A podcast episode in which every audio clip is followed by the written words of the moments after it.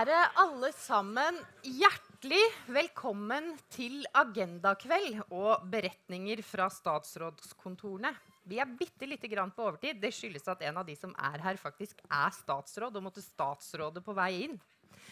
Eh, vi er veldig veldig glad for å ønske dere velkommen til denne neste timen, som er i samarbeid med Cappelen Dam. Og det er også en boklansering for denne veldig fine boka her. Den kan dere kjøpe og få signert her bak i lokalet etter at møtet er ferdig. Da skal jeg få lov til å invitere opp på scenen den erfarne ikke journalisten og kommunikasjonsrådgiveren Agnar Kårbø, som er forfatter av denne boka. Vær så god, Agnar.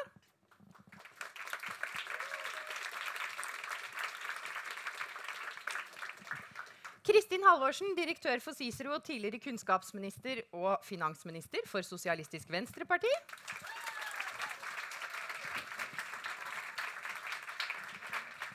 Og sist, men ikke minst, mannen som står midt i det, Torbjørn Røe Isaksen, næringsminister og tidligere kunnskapsminister. Vær så god. Takk. Og så skal jeg også si at en av gjestene må gå ti på halv sju, så da kommer han bare til å snike seg av gårde. Men vi skal fortsette litt lenger enn det. Er det deg, det, eller? Nei, Agnar. Det er Agnar. Da må vi innom et altså, par det er jo, det er ikke, Dere er ikke så vant til at dere må vente, og at dere ikke er først. Men i dag så skal jeg begynne med deg, Agnar. Fordi eh, vi hører jo om politikere opp og ned i mente. Altså den, de siste ukene har vel de aller fleste fått mer enn eh, noen kunne ønske seg. Eh, og de er overalt. De, de, er i media, de er i sosiale medier. De skriver bøker om seg selv og hva de mener, og hva de har gjort før, og hva de skal gjøre framover og sånn. Men du eh, tenkte allikevel at du skulle skrive en bok om dem. Hvorfor det? Jo, for det er et, vi ser her i dag, et voldsomt sug etter kunnskap, informasjon. Få et blikk på innsida av politikken. I hvert fall så er det sånn at Når jeg begynner å snakke om det, så blir folk interessert. Ja. eh, fordi at politikken er både smal og brei på samme tid. Den angår alle. Og så kan det politiske spillet, den politiske diskusjonen, bli veldig snever, blir veldig ekskluderende. Nå prøver jo dere som politikere å snakke til alle, eh, spesielt de velgerne som dere vil skal stemme på dere. Men, men eh, det å liksom åpne opp politikken har vært et prosjekt. Og så er det sånn at vi lever i demokratisk, eh, et demokratisk land med institusjoner, viktige institusjoner. Men det er mennesker som bemanner de viktigste posisjonene. Og der makta sitter hvor regjeringa er et av de store maktsentrene, der sitter noen mennesker som kommer inn i den posisjonen som statsråd. Noen kommer liksom litt tilfeldig inn der, andre kommer etter en lang planlegging. Og det er interessant å utforske, for de skal utøve en eller annen form for samfunnsledelse. De skal bringe samfunnet videre i en eller annen retning. Hvordan gjør de det? Og så har du også vært opptatt av at eh, politikere er bedre enn det folk flest innimellom eh, tror. Ja, det mener jeg. Altså, vi må jo ikke glemme det, selv om det har gått litt eh, fort i svingene denne uka her. At vi lever i et land hvor vi har masse folk som stiller opp til, å sitte i kommunestyrer, i fylkesting, og på storting og i regjering. Og jeg har jo jobba tett på politikere fra ulike partier og ulike regjeringer som, uh, og sett dem på nært hold, men også som journalist før det. Og jeg tenker at jeg, jeg, takker, om ikke min skaper, så i hvert fall takker jeg demokratiet for at vi har et system som klarer å rekruttere. Og jeg, når du har sett på nært hold det vakreste øyeblikket i demokratiet, som ikke er 17. mai, men når, når en statsråd går ut, overlater kontoret til den neste, og det skjer i verdige former, som det heter. Altså helt sånn uten, uten, uten uh, vold og spetakkel, men liksom det er, det er fantastisk. Det skal vi, bare, vi skal bare nyte det øyeblikket hver gang det skjer, hvert fjerde år eller litt sånn. Ja. Eller innimellom. innimellom. Du slapp jo å gjøre det denne uka her, eh, Torbjørn. Gå sånn pent ut av kontoret, og det er du jo sikkert glad for. Men jeg ville gjort det verdig uten spetakkel. Ja. Føler du at det skiller deg fra andre? Nei, det var bare en generell kommentar. Nettopp. Da skal vi gå tilbake til det denne boka faktisk handler om. Vi skal komme tilbake til svingene denne siste uka også, men uh, det er det alle lurer på, så det tar vi til slutt, så ingen går underveis. Eh, den boka her den handler jo om politisk eh, lederskap. Og, eh, dere har alle sammen, Det er jo et intervju med et imponerende knippe norske toppolitikere. og Dere har alle sammen svart på hva det er som kjennetegner godt politisk lederskap. Og hva vil du si at det er, Torbjørn? Eh, jeg, jeg, jeg tror det er altså For det første så er det annerledes enn bare å være en leder. Eh, kanskje særlig mange tror jeg, i privat næringsliv som tenker at jo, men jeg er jo en super næringslivsleder. Kunne vært en strålende statsråd også. Ikke automatisk sånn. Um, men det er jo kombinasjonen av at du på den ene siden er eh, folkevalgt, og du skal gjennomføre politikk eh, med alt det innebærer. Men så skal du også være synlig og fremme og på og debattere og snakke og diskutere. Eh, og, og, balansen mellom de to kan være veldig vanskelig. Eh, men, eh, men, hvis man får det til, så mener jeg det kjennetegner en god, en god leder. Og vi har hatt utrolig mange gode altså Tenk på bare statsministrene våre. Stoltenberg var en god, virkelig god politisk leder. Vi har utrolig mange gode politiske ledere i norsk politisk historie. Altså. Her, altså, et litt ublu spørsmål. Kan du, si du selv, kan du gi et eksempel på når du sjøl har vært fornøyd med ditt eget politiske lederskap? Altså Ikke som en sånn skryteting, men en sånn situasjon hvor du tenkte liksom Her! Dette går jeg vekk fra og er fornøyd med. Ja, altså, det, det, blir litt kjedelig å gå inn i detaljene. Men. Jo, men, altså, okay, men la, meg, la, meg, ta et eksempel. Da. Vi, da jeg var kunnskapsminister, så gjennomførte vi en stor universitets- og høyskolereform. Eh, og, var, og, da var det i, ved flere anledninger hvor vi hadde møter for å forankre og diskutere, så var det viktig, ikke, for at, ikke pga. hvem jeg er, men fordi statsrådsposisjonen gir en autoritet, eh, så var det viktig å vite når er det man, når er det man som statsråd skal slå i bordet og si vet du hva, nå må dere bare forberede på at her kommer det noe. Skjerp dere. Eh, og, og, det gjorde jeg eh, på et par møter, eh, og det, da var jeg ganske fornøyd. Ja. Også for at det gikk jo bra til slutt. Det ble en stor reform. Ja. Kristin, hva, hva, tenker du at kjennetegner godt politisk lederskap?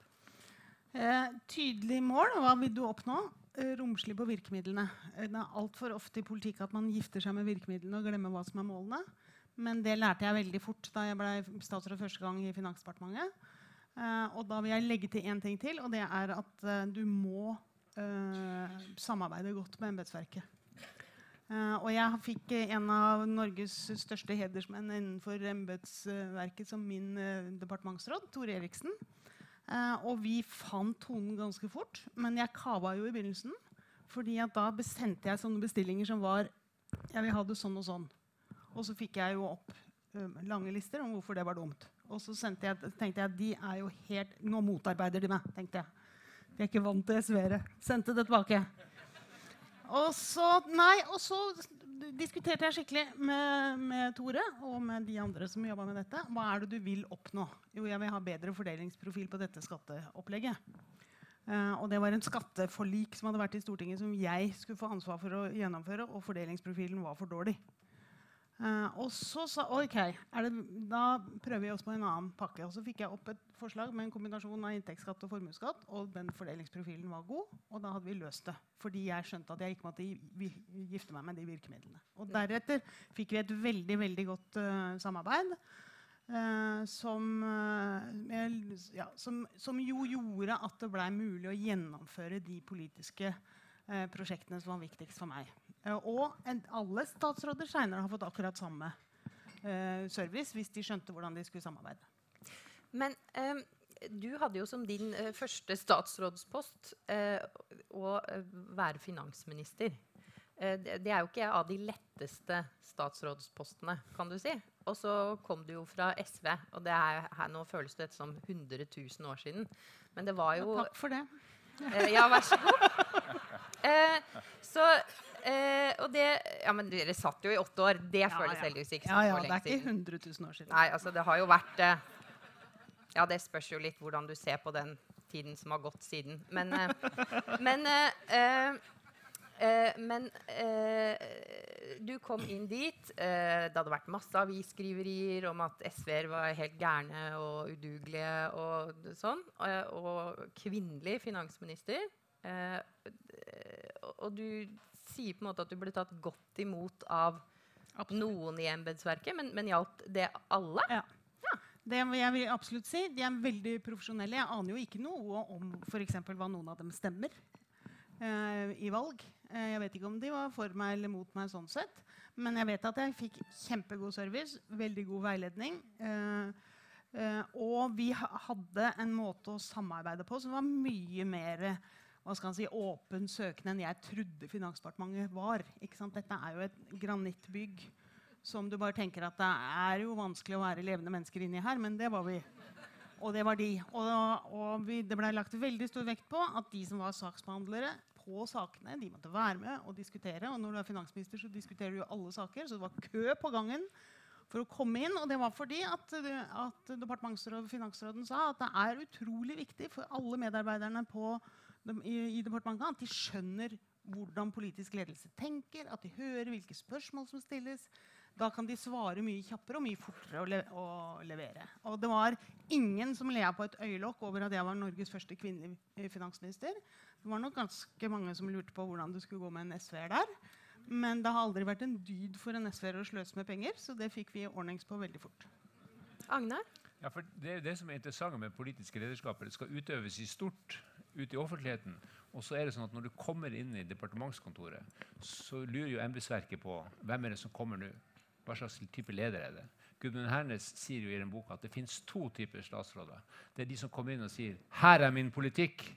Og så er det de som kommer inn og sier 'Hva er min politikk?' men, da, du, da du, men, du, må få mer av de folkene som sitter her. Så du, skal, du må utvise sånn, noen administrative lederevner, sånn management skills. Eh, I tillegg til at du skal selvfølgelig være en stor politiker som kan eh, få folk til å reise seg på stolene og rope 'Change we can believe in', eller noe sånt. Så Det er jo det som er så spennende med den jobben. her. Du må løse den lederoppgaven. Og, Det som er så fascinerende med norske departement, det er som du sier, det er ganske flat struktur. Du diskuterer med de som sitter inne i et kontor, og som er førstekonsulent, og som kanskje er kjempegode på det området. Slik at du har muligheter til, Hvis du klarer å trykke på de knappene, så får du gjort eh, veldig mye. Hvis du da ikke er god med folk, hvis du ikke er klar på hva du vil, så kan det bli problemer. Vi har jo et eksempel på det. Og det kan jeg jo nevne, fordi Han har jo selv skrevet en bok om det, Robert Eriksson, hvor han beskriver hvordan han kom på kant med deler av sitt embetsverk da han var arbeids- og sosialminister. Han beskriver sånn i, detalj. I, i detalj Voldsom detalj, faktisk. Ja, eh, hvordan han... Eh, Har veldig god kontakt med politisk ledelse ellers, da. Ja, ja men, men, men, det var liksom, litt sånn trist å lese, for han, eh, han, kunne jo ha fått gjort eh, en del ting som han da Det skar seg på av ulike årsaker. Jeg kjenner ikke det, men, men dette har han beskrevet. Ja, nettopp. Jeg, men jeg tror han er unntaket. Men um, altså det dere er inne på begge to her, det er at du, du skal være effektiv internt i departementet ditt. Og du snakker om liksom, køer av folk og sånn. Eh, og store reformer. Og da skal man ikke bare snakke med de som er i departementet, men man skal ut og snakke med enhetene. Og så skal dere også snakke til alle oss. Eh, og eh, bare Jeg har jo bakgrunn som journalist, og bare fra jeg var journalist og til nå, så er det jo en enorm forskjell på hvor mange som innhenter kommentarer i enhver sak. Altså hvor mye trøkk det er. Eh, er den derre altså blandinga eller balansen mellom å være en effektiv statsråd som, som, får gjennom saker, som jobber fram politikk, jobber inn mot Stortinget, og en statsråd som klarer å formidle utad hva man vil, er liksom den balansen forrykka, tror du? Altså, sammenlignet med for noen tiår siden, så er det helt sikkert det. Altså, eller 20-30 år siden. eller noe sånt. Altså, det, det, enkle faktum at nå er det ikke det er ikke én eller to nyhetssendinger, og så er det papirutgaver eh, på morgenen av avisene. Det er kommentarer og sånne type ting hele veien. Men, men jeg tror at det um, fordi begge deler er viktig. Men samtidig så er det også sånn at det har vært veldig veldig gode statsråder i Norge som er helt elendige utad. Eh, faktisk. Eh, og så har det vært statsråder som har vært fantastiske utad, men sannsynligvis helt elendige statsråder. Eh, og, og, jeg må jo si at hvis det er noen ting Nå er det jo ikke så mange som har sånne terningkast lenger. Men en, et av problemene ofte med de terningkastene er jo at de baserer seg veldig mye på etterlatt inntrykk der ute. Mm. Eh, Liker vi vedkommende eller ikke? Men, men, det kan godt være jeg tror, jeg tror for eksempel, eh, Nå sier jeg ikke at hun i kategori, var i kategorien elendig utad, altså, men en som for fikk veldig mye kjeft, var jo Sylvia Brustad. Eh, samtidig så tror jeg det var ganske stor eh, anerkjennelse i det politiske miljøet for at Husker dere Sylvia Brustad? Dere som er yngre? Ja? ja bra. En fin, oppegående gjeng. Men samtidig så det er en grunn til at hun eh, under Stoltenberg var statsråd mange ganger i forskjellige departementer, også veldig tunge departementer. Um, men hun, altså, for all del, jeg skal ikke si at hun var ikke sånn, men hun var nok en av de som kanskje, eh, kanskje fikk ufortjent eh, kritikk eller et type rykte fordi at man ikke så hvilken jobb hun gjorde internt. vil jeg tro da. Dette er vel egentlig du som må si noe om det. Ja, det er riktig, og det er Journalistikken kan være ubønnhørlig, men sånn er jo politikken også. Du kan gjøre, være, som du sier, du kan gjøre en god jobb i maskinrommet, men hvis du ikke klarer å stå på brua og få, så Det er jo det som er sånn dilemma, og det er det som gjør det politiske lederskapet så fascinerende. fordi at Når du blir politisk leder, så legger du din egen personlighet i potten. Du, du representerer noen som politiker. Og da er det i motsetning til Selvfølgelig så må du ha tillit som toppleder i f.eks. Hydro. Men du, må, men, men du er valgt og har et annet type mandat som gjør at vi som samfunn har mye mer oppmerksomhet rundt det. Og det skaper da, noen spenninger. I tillegg så er målene mye mer utydelige. Eh, toppsjefen i Hydro han har en kjempekrise gående nå. Men, eh, men målet, oppryddingen der, er ganske, ganske sånn e, endimensjonal. Selv om det er komplekst og sikkert kjempevanskelig. Mens Erna Solbergs jobb siste uke har vært mye mer sammensatt for å løse den, eh, den krisen. I og for seg på en måte litt endimensjonal, den òg. Ja. Nei, den er ikke det. Vi må jo snakke jeg, skjønner hva du mener. Kristin, vær så god. Nei, jeg, har, jeg husker jeg har veldig ofte stussa over de der terningkastrundene.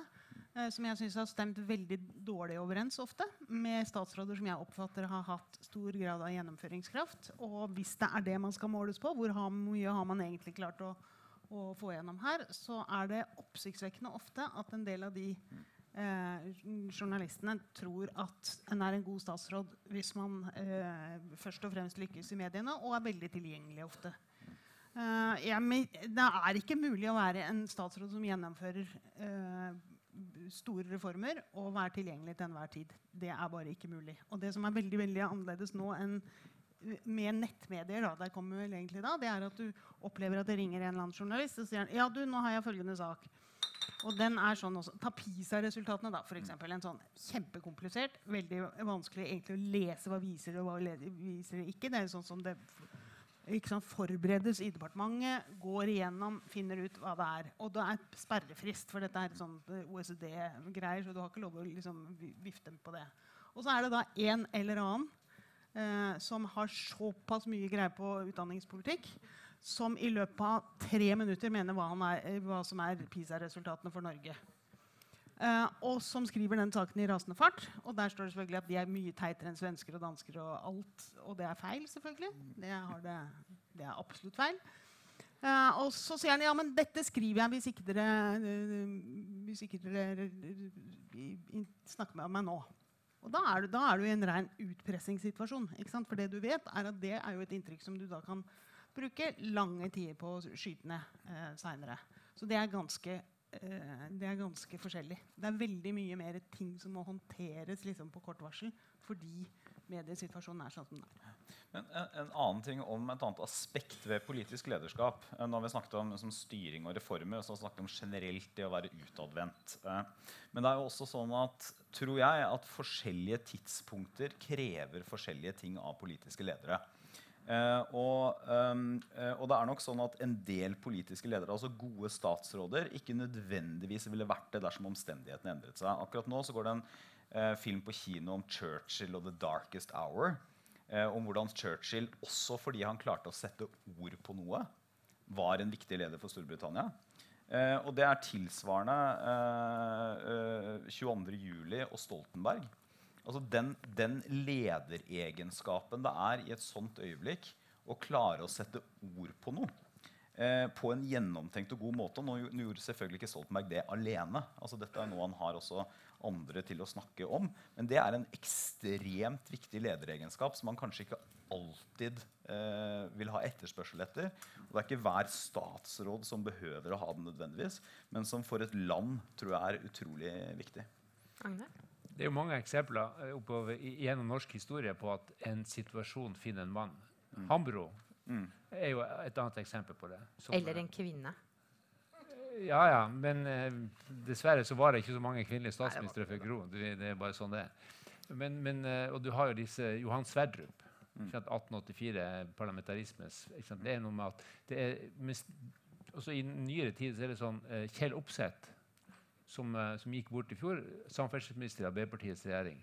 Han var ingen sånn eh, åpenbar eh, statsrådsstjerne da han var på Stortinget. Kom inn i, regjeringa, ble en, en, en, av de legendariske samferdselsministrene eh, i, i, på 90-tallet. Mm. Og klarte å utnytte den posisjonen på en helt sånn fascinerende måte det, det, er jo egentlig ikke så oppsiktsvekkende at Bratteli for eksempel, og sosiale medier ikke nødvendigvis ville være et veldig stort skup.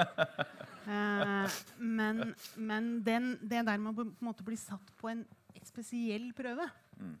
det er nok eh, noen sånne type situasjoner hvor du kan se at noen eh, har et format mm. som et, si, et, større format enn det man får, får uh, vist uh, til daglig. Men bare litt tilbake til det med ledelse. fordi jeg synes at I noen diskusjoner om hva er det å være en god politisk leder, så er det noen som diskuterer som om en statsråd skal inn og styre et departement i smått og stort. Mm. Hvis det er det du tror du skal gjøre, da tror jeg du bare kan pakke sammen. For du må stole på at du har et embetsverk og en departementsråd som sørger for at ting er på skinner. Det er ikke du som skal reformere et departement. Ikke, da, da, må du bare ja, og du, er jo glemme å ha et politisk prosjekt. Og du er jo egentlig ikke sjefen i departementet. Nei, det, det må du, du må finne den arbeidsdelingen, ellers så, rett, ellers så, får du ikke gjort noe, rett og slett. Bjørn Åge Hansen sier jo i boka at uh, og Dette er ikke noe fornærmelse til politikere, men vi må innrømme at landet hadde gått videre i hvert fall en periode, selv om det ikke var kommet en statsråd inn i akkurat departementet. Det er derfor det er så viktig at du, når du kommer inn der, må si at dette vil jeg gjøre. Mm. Mesteparten skal gå som det er, men jeg har noen prosjekter. Jeg tror, Nei, det skal jeg ikke si. Jo. Det er ikke ondskapsfullt. Men jeg tror vel kanskje det var et par um, detaljer i budsjettet hans han ikke var helt sikker på hvordan han skulle forklare. for å si det sånn.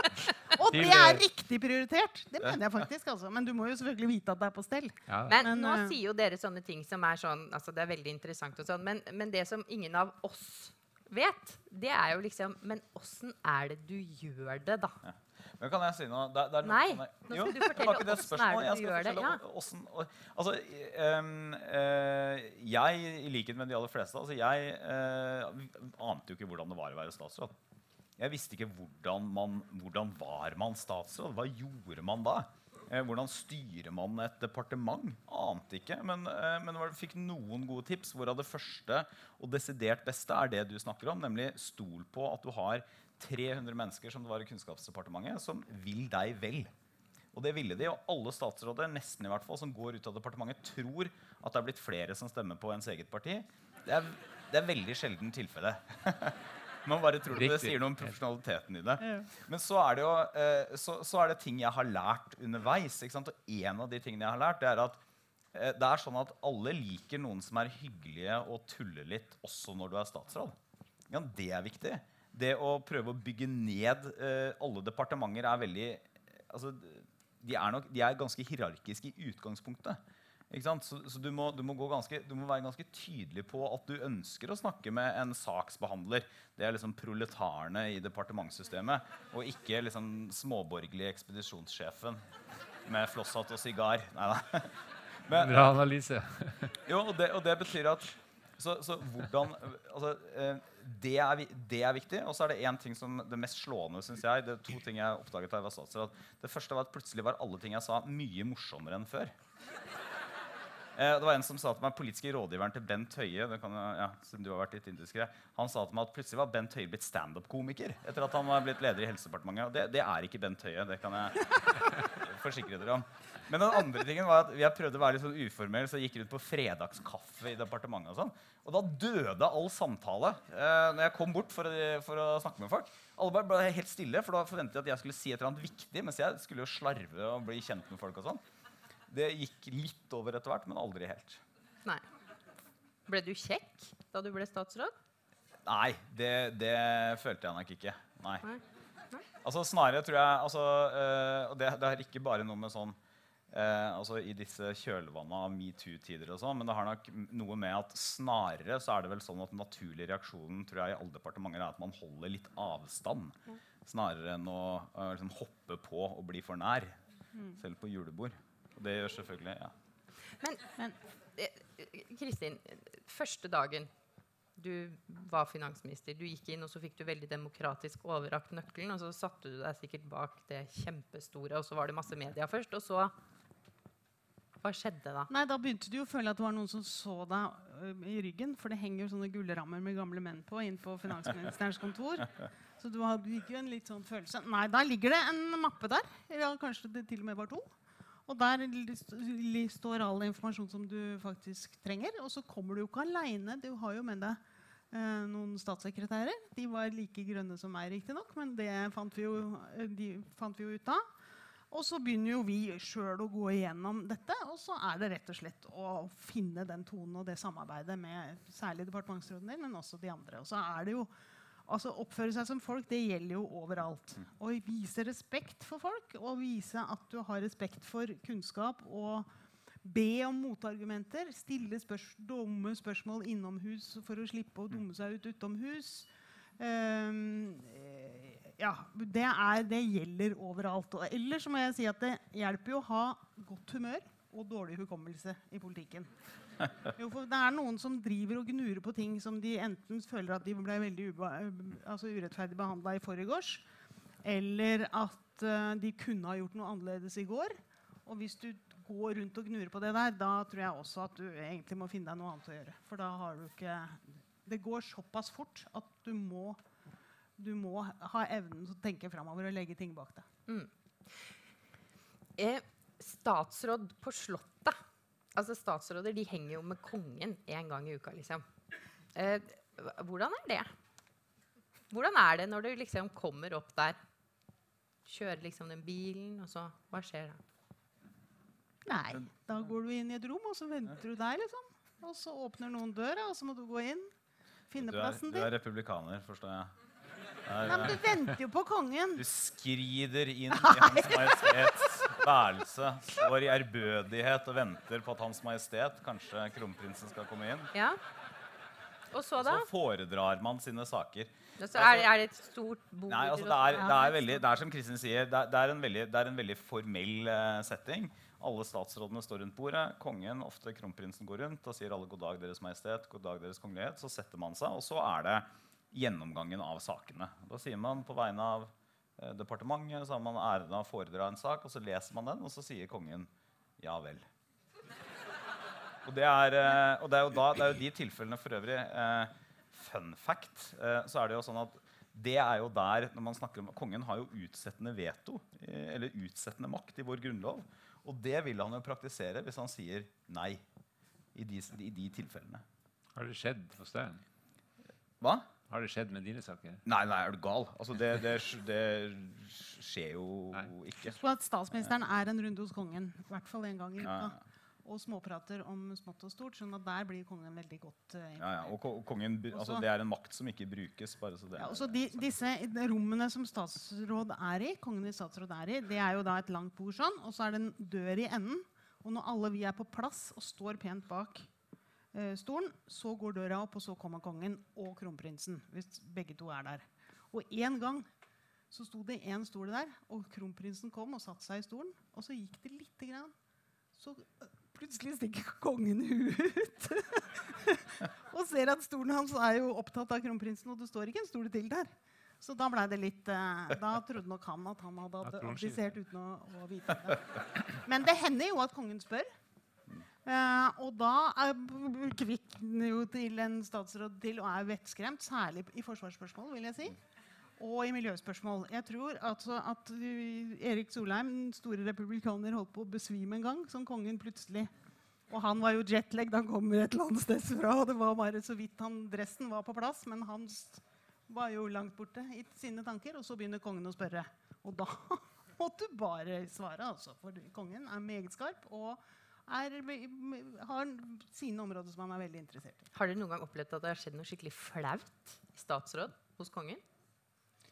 altså, for vanlig det er, Jo, det, no, det er liksom ting, tulleting som er litt flauere overfor kongen.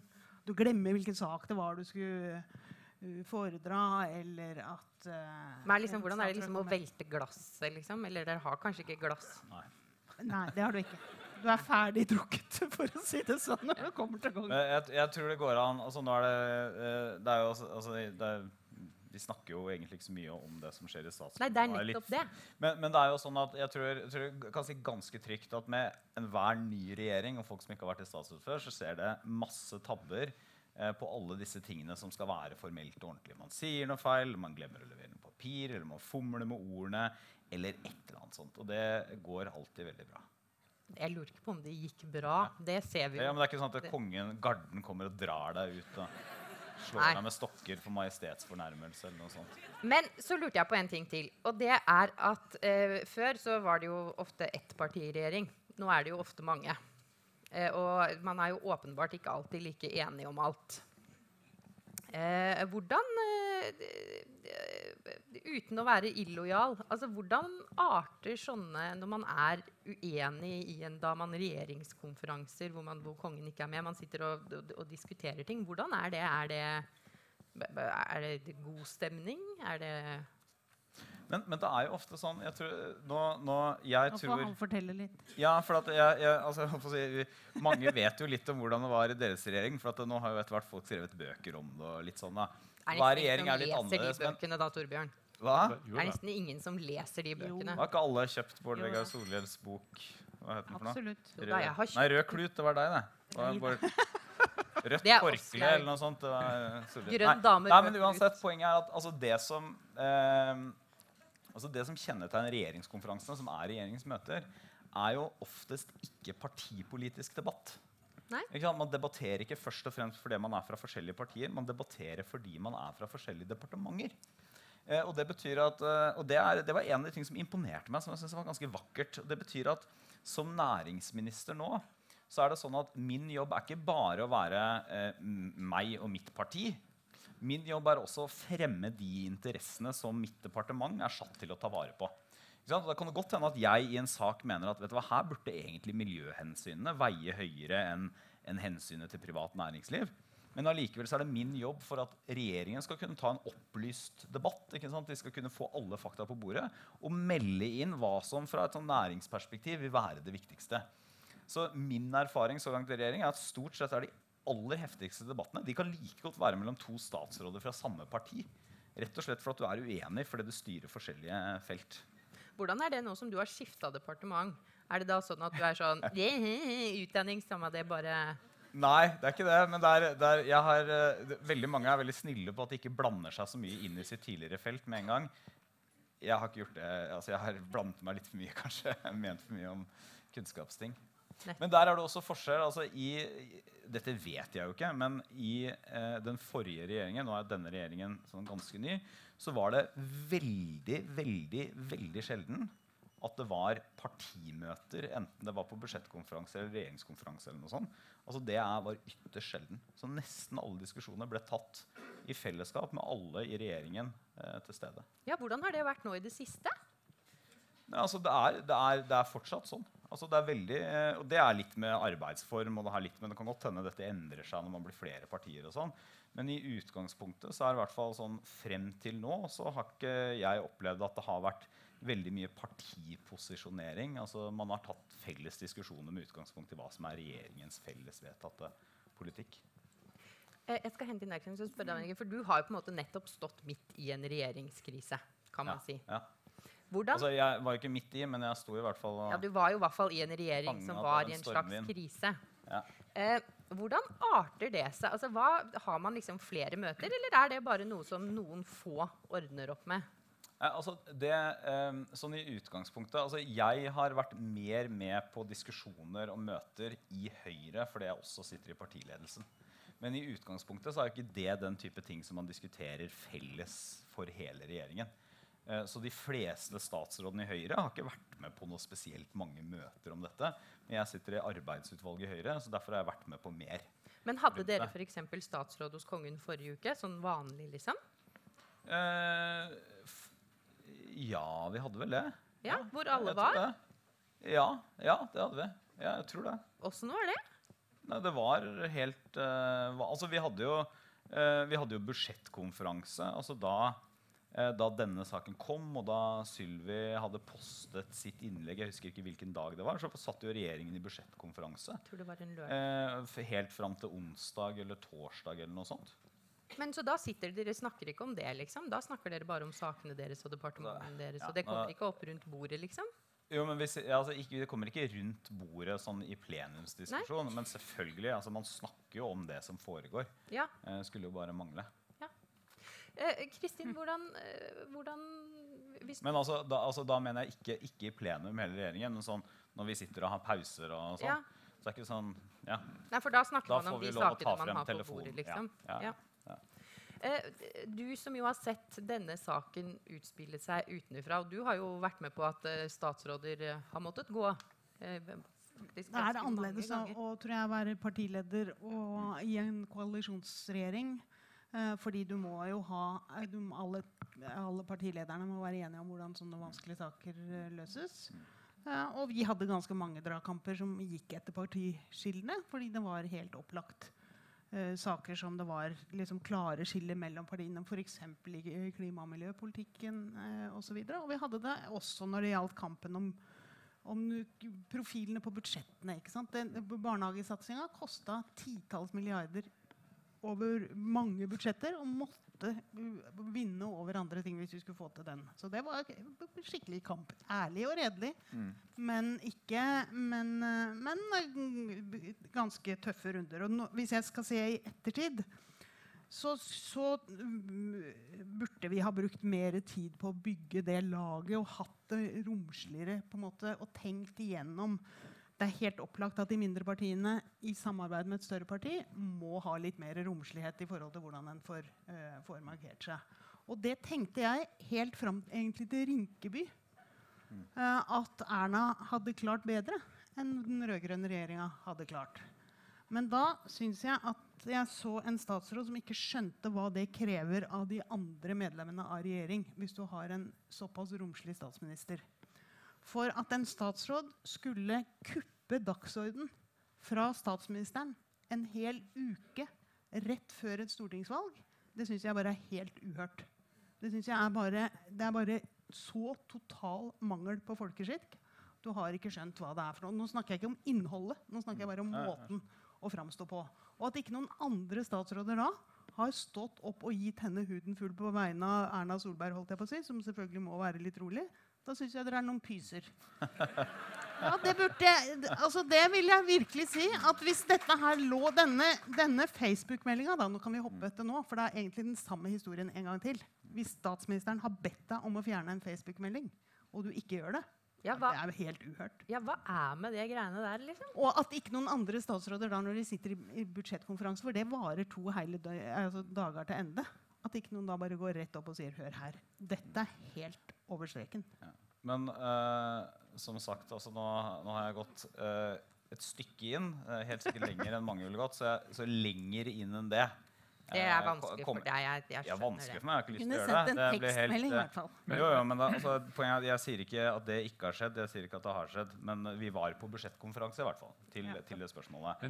Og så er det sånn, bare for annen, ja. to andre kommentarer, så er det nok sånn at jeg tror alle den siste uken, og da hvis man bare altså Hvis man ser bort ifra Eller det går jo ikke an. Ikke men hvis man, hvis man, ser på alle aspektene ved dette parlamentarisk og som mulig regjeringskrise, sånn, så tror jeg mange som sitter i regjering, også ser andre ting enn bare denne første håpløse meldinga. Fordi man ser at her er det også for eksempel, forskjellige partier, og det er litt det Kristin, Kristin beskriver her. Men så er det jo også sånn, og det er et viktig poeng, altså man sitter aldri i regjering for seg selv eller kun et parti. Man er kollektivt ansvarlig for regjeringas prosjekt. Mm. Og det gjelder for alle statsråder til alle tider i alle regjeringer. Mm. Men det eh, virker jo åpenbart ikke alltid like godt for alle. Altså, det, nå har vi hatt et, et ekstremeksempel på det vil jeg si, med Sylvi Listhaug i det siste. Men hvordan håndterer man eh, hva kan, kan man kalle det, egostatsråder? Hva, hva, skjer med de? Du har selvfølgelig aldri vært det, og ikke du heller. Men, men eh, det, har dere opplevd altså, Kristin, har du liksom trenger ikke å si noen navn, men folk som på en måte ikke, ikke gjør det, hva skjer da? Vi har, vi har, jo ikke sett noe som ligner eh, ligner de, det vi har sett de siste par ukene eh, nå tidligere i norsk uh, politikk i det hele tatt, uh, tror jeg. Eh, fordi det er et eller annet med eh, at du skal vise at du har respekt for eh, ikke bare, din, ikke, bare statsministeren din, men også din egen partileder. Det må være noen ordning. Og da er det veldig forskjell på å være regjeringsmedlem og være medlem i Stortinget. Eh, for eksempel.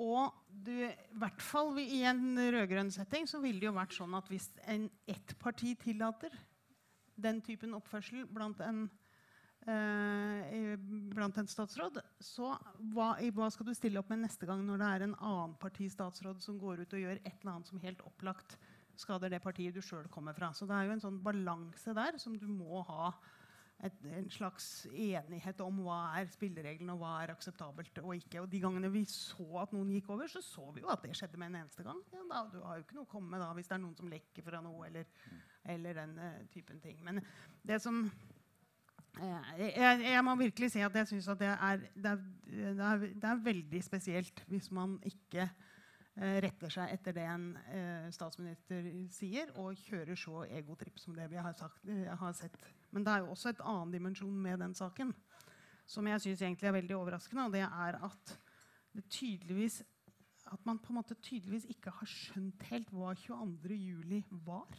Eller har en felles oppfatning av hva det var. Hva var det ideologiske, hvis vi kan kalle det smøreriene til Breivik, eh, gjerningsmannen, hva var det for noe? Det var en gigantisk konspirasjonsteori mot Arbeiderpartiet. Hva var det og, og, og, det var grotesk, det som skjedde. Det var sant, i, i, vårt departement 30 mennesker på jobb. Folk som ble skikkelig traumatisert i ettertid. Det departementet som ble hardest ramma, var Justisdepartementet.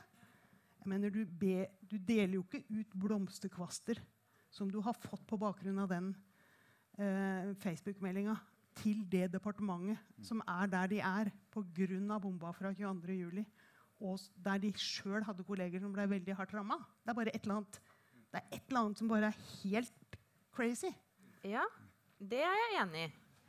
Um, uh, du, du, um, du, skal slippe å kommentere det, men, men det jeg lurer på, er altså, Jeg tror at ute blant folk så, så, tenker man liksom at ja, statsråder er viktige, men de er jo statsministerens statsråder. Og du gjør jo Jeg vet ikke deres, altså, Du krangla sikkert masse masse med Jens Stoltenberg, eller det vet jeg jo. Men, men til syvende og sist så, så, så, er det jo liksom én som er sjefen i Norge. Eh, og det, det med at da en statsråd altså, ikke gidder å høre på den sjefen, det, det er jo ikke sånn veldig beroligende for oss andre? Er, er, er, er det, ja, altså du sier liksom det er helt nytt. Har du opplevd det før? Nei, altså, men nå, nå, er det viktig å si at det er, det er én sak som har vært i mediene, eh, som verken har blitt eh, altså, Som statsministeren helt riktig også sier at de samtalene jeg har med mine statsråder, er fortrolige og mellom oss. Ja. Så det må også med i denne sammenhengen. Men så er det sånn at jeg, jeg tror at en, um, litt til det Kristin sier. For jeg tror at, som også eh, hørte statsministeren sa for, for, for, for, noen dager siden altså Det er helt åpenbart at også, hen, også hun, eller vi, kan jeg jo si eh, altså en, for Det er en veldig forskjell på om du tenker at dette er en melding som er for tøff eller uakseptabel, går altfor langt, en spissformulering som er ufin, og det er ikke sant.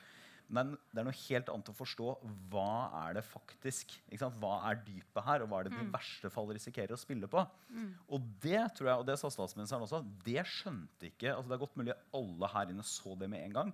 Vi skjønte ikke det med en gang. Vi skjønte med en gang at dette var en melding som var over streken. Men vi skjønte ikke akkurat det eh, før, før det hadde gått kanskje en dag eller to. eller eh, noe sånt. Og det, det, var også veldig preget da.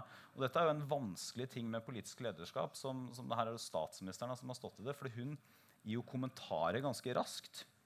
Som er, sier liksom i, i, helt greie ting, men som i det øyeblikket man skjønner det, og den debatten kommer opp, så ser man at de kommentarene jeg ga for to dager siden, mm. de, de, står seg ikke, rett og slett. Mm. De er altfor milde.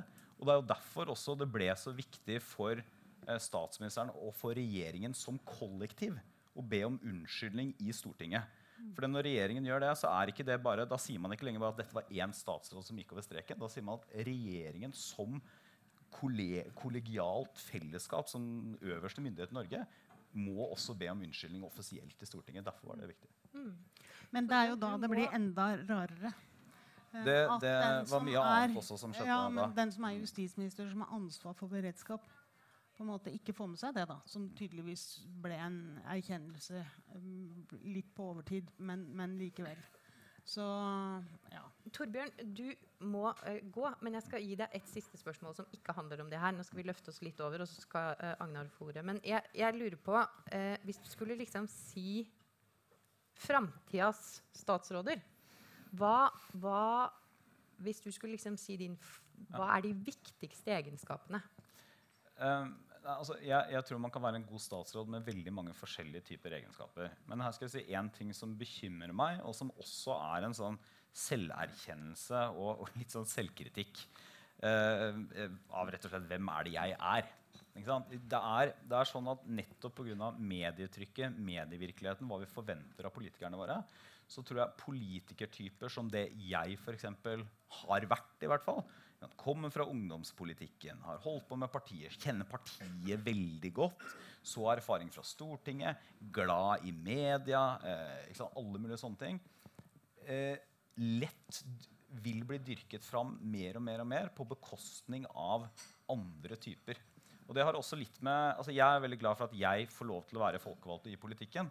Men det er et problem hvis politikken består stadig, i stadig større grad av bare sånne som meg. Jeg, har, eh, jeg, er en urtypisk broiler. Jeg angrer ikke på valgene jeg har gjort, liksom, men, det, men, det, er et problem hvis du ikke kan ta inn en, en 50-åring som har jobba eh, som prosessoperatør i 20 år, vært aktiv i lokalpolitikken, eller en lokal eh, småbutikkeier, selv om de ikke har liksom vært strigla gjennom hele systemet. Og det er noe i medielogikken vår og hva vi forventer nå, som er veldig lite mottakelig for andre typer politikere. Altså. Mm. Og det er verdt å tenke gjennom.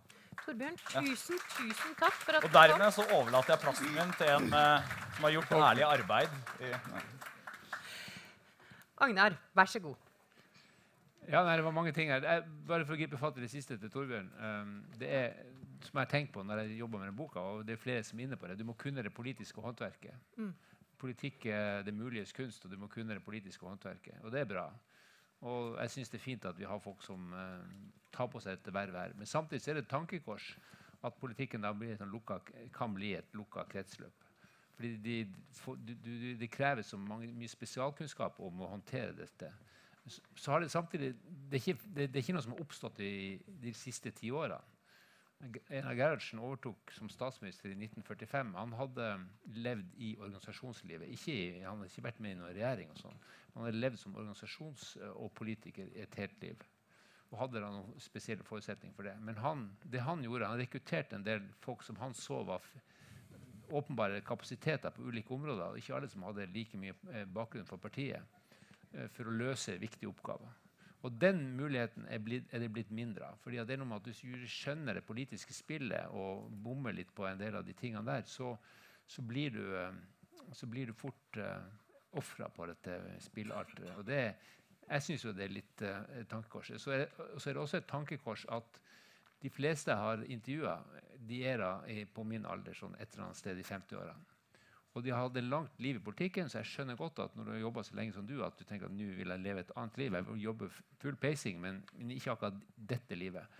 Men, men, hvorfor rekrutterer vi ikke folk som er 60 pluss, til å gå inn i politikken? For det er jo vi som har erfaringer, som har kompetansen, som har roen som kreves i de vanskelige situasjonene. Ja. Eh, Kristin? Nei, altså jeg, jeg vet ikke. Jeg ble jo valgt inn på Stortinget da jeg var 29 år. Uh, og jeg tror jeg var en bedre statsråd i 2005 uh, eh, med den uh, varierte bakgrunnen som jeg hadde fra Stortinget, eller enn om jeg f.eks. hadde vært lærer på videregående skole fram til 2005.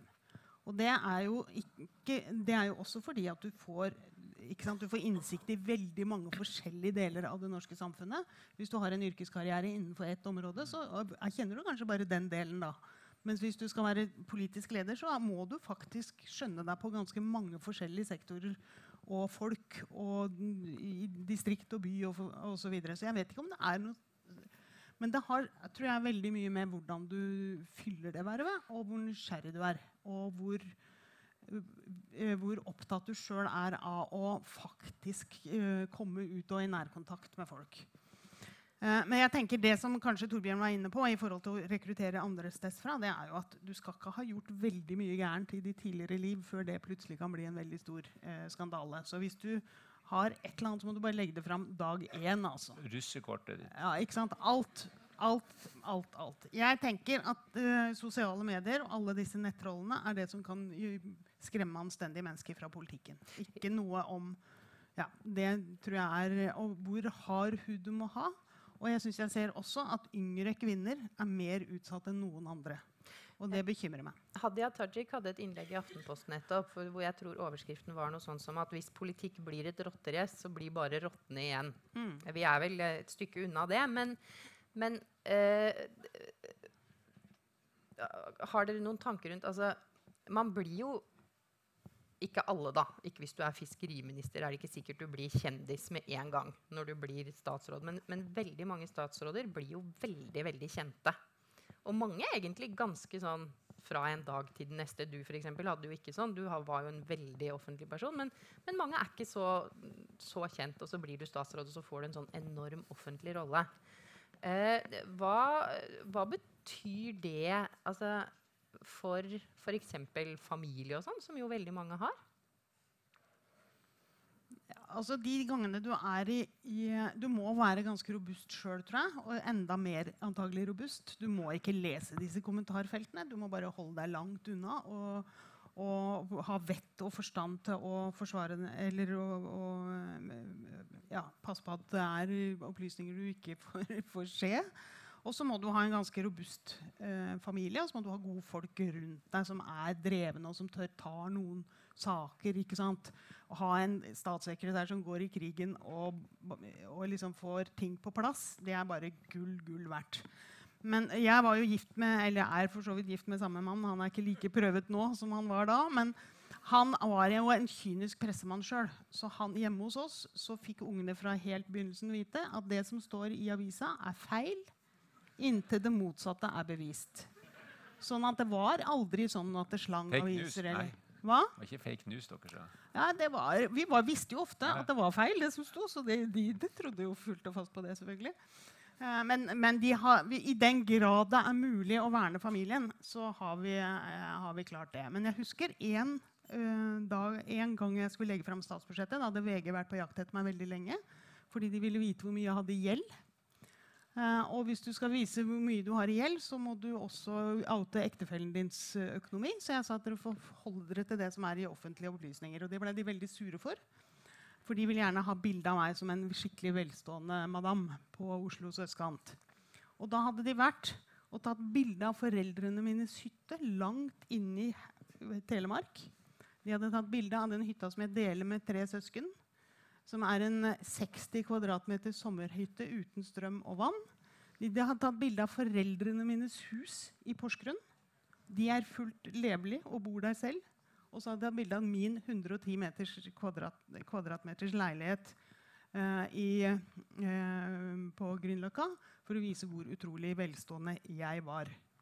Og da måtte jeg på vei til den første medieopptredenen den morgenen det første jeg måtte gjøre da, det var jo å ringe foreldrene mine og si at det er bilde av huset deres det er bilde av hytta deres i VG. Jeg beklager, men sånn er det. Og de, det er jo noe av de tunge tinga du gjør, rett og slett.